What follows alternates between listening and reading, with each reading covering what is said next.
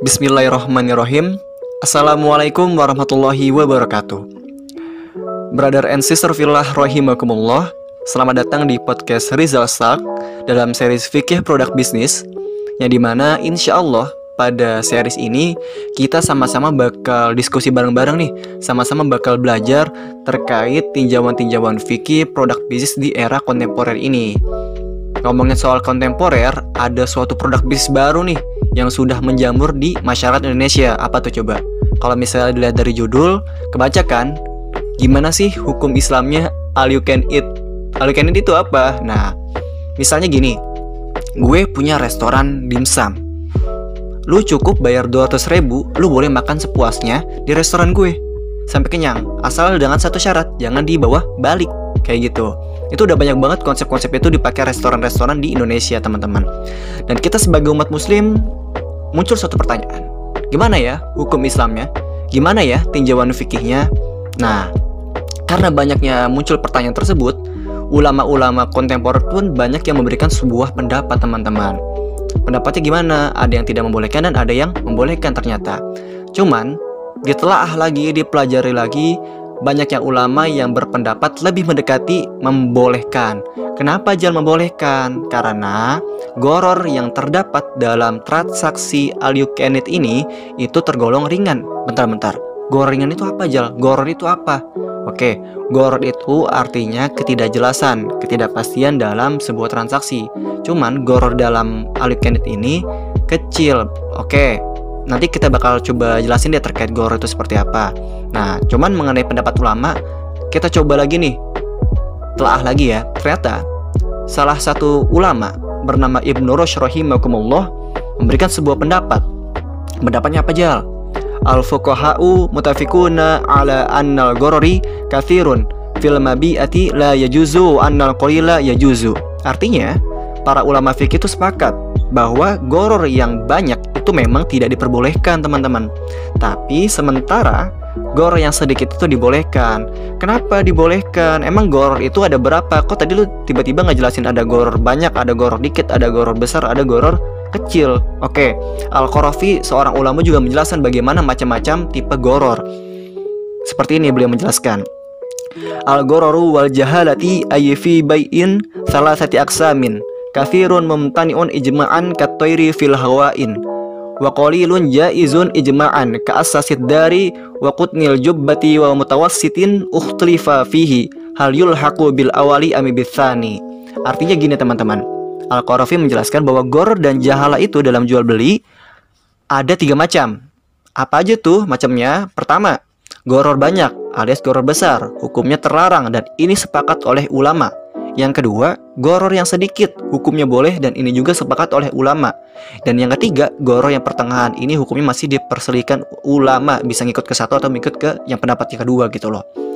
Terus ngomong-ngomong terkait goror besar, goror kecil ini, kenapa mereka uh, ulama bersepakat, apa, bersepakat ada yang membolehkan dan yang tidak membolehkan. Emang kaitannya apa nih tentang transaksi bisnis antara goror dan bisnis tersebut? Oh ternyata ada kaitannya teman-teman. Di ensiklopedia fikih itu dijelaskan bahwa yushtaratu fil gorori hatta yakuna mu'athiron an yakuna kathiron ama idza kana al gororu yasiron fa innahu la ta'thiron alal akdi Artinya di antara syarat goror yang haram adalah berpengaruh dalam akad dan ukurannya besar gitu. Jadi akad yang eh da, da, puh.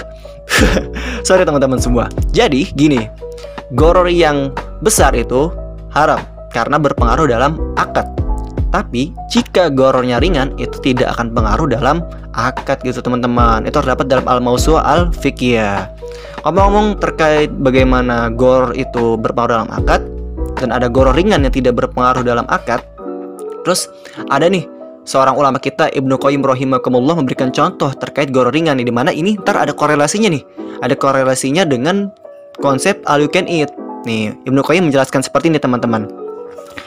Gororun yasirun yuktafaru fi janbil maslahati ammatil lati la budda nasi minha fa inna dhalikal goror la yakunu mujiban lil man'i fa inna ijaratil hayawan wad dari wal hanuts musanatun la takhulu anil gorori li'annahu yu'radu fihi mautun hayawanin wa nihda mundarin wa kadza dakhulul hamam. Artinya apa Jal? Artinya Ibnu Qayyim bilang kayak gini. Dalam kehidupan manusia, goror semacam ini tuh tidak boleh menjadi sebab terhalangnya transaksi. Maksudnya tuh goror ringan, gak boleh jadi sebab terhalangnya transaksi. Kenapa? Karena ketika misalnya menyewakan binatang atau rumah atau ruko yang terbuka itu nggak bisa lepas dari goror ini goror kecil ini teman-teman kan bisa aja kan kata Ibnu Qayyim bisa aja binatang itu mati tiba-tiba atau rumah itu roboh atau ruko itu ya misalnya rusak gitu loh ambles atau apa contohnya gitu demikian pula kata Ibnu Qayyim sebagaimana masuk ke pemandian lah kok tiba-tiba analoginya dikorelasikan dengan pemandian kenapa tuh Jal karena gini teman-teman semua Misalnya gini ya, kalau misal kita pikir-pikir dan bayang-bayangin nih, kenapa Ibnu Qayyim al-Jauziyah itu menganalogikannya dengan pemandian? Teman-teman pernah nemu nggak sih pemandian umum yang misalnya dia tuh bayar? Nah gini, misalnya gue ke, ke pemandian umum, ya kan? Bayar goceng. Di situ kan nggak diperhitungkan berapa gayung yang gue pakai, maksudnya siramannya nggak dihitung kan? Berapa air yang gua habisin itu kan nggak dihitung. Itu kan sebenarnya nggak jelasan kan? Kalau misalnya mau dijelas-jelasin banget kamu harus mandi. Misalnya tiga gayung lebih dari tiga gayung bayar. Kan nggak dihitung dihitung kan sama si penyewa eh sama penyewa lagi yang punya kamar mandinya kan di situ konsepnya gitu teman-teman. Intinya gue bayar goceng gue boleh mandi bebas gitu loh. Seberapa lama pun itu ya asal tahu diri aja gitu loh maksudnya. Selama gue nggak keluar kamar mandi ya ter ya intinya gue tetap bayar goceng. Kecuali gue masuk ke keluar kamar mandi terus gue bayar masuk lagi nih gitu kan buat mandi lagi ya gue bayar lagi gitu kayak analogi tadi dengan konsep all itu. Kenapa dikorelasikan dengan all bisa dikorelasikan kayak gini aja. All kan lu masuk restoran terus lu bayar 200 ribu atau 150 ribu ya kan nah ketika bayar itu lu boleh makan sepuasnya asal lu nggak keluar dari restoran itu mirip konsepnya dengan penjelasan gorengan yang dijelaskan Ibnu Qayyim rohimakumullah ternyata teman-teman jadi tergolongnya alukanit ini gorengan yang boleh. Sepakat ya? Oke, sepakat. Di situ jadi korelasinya.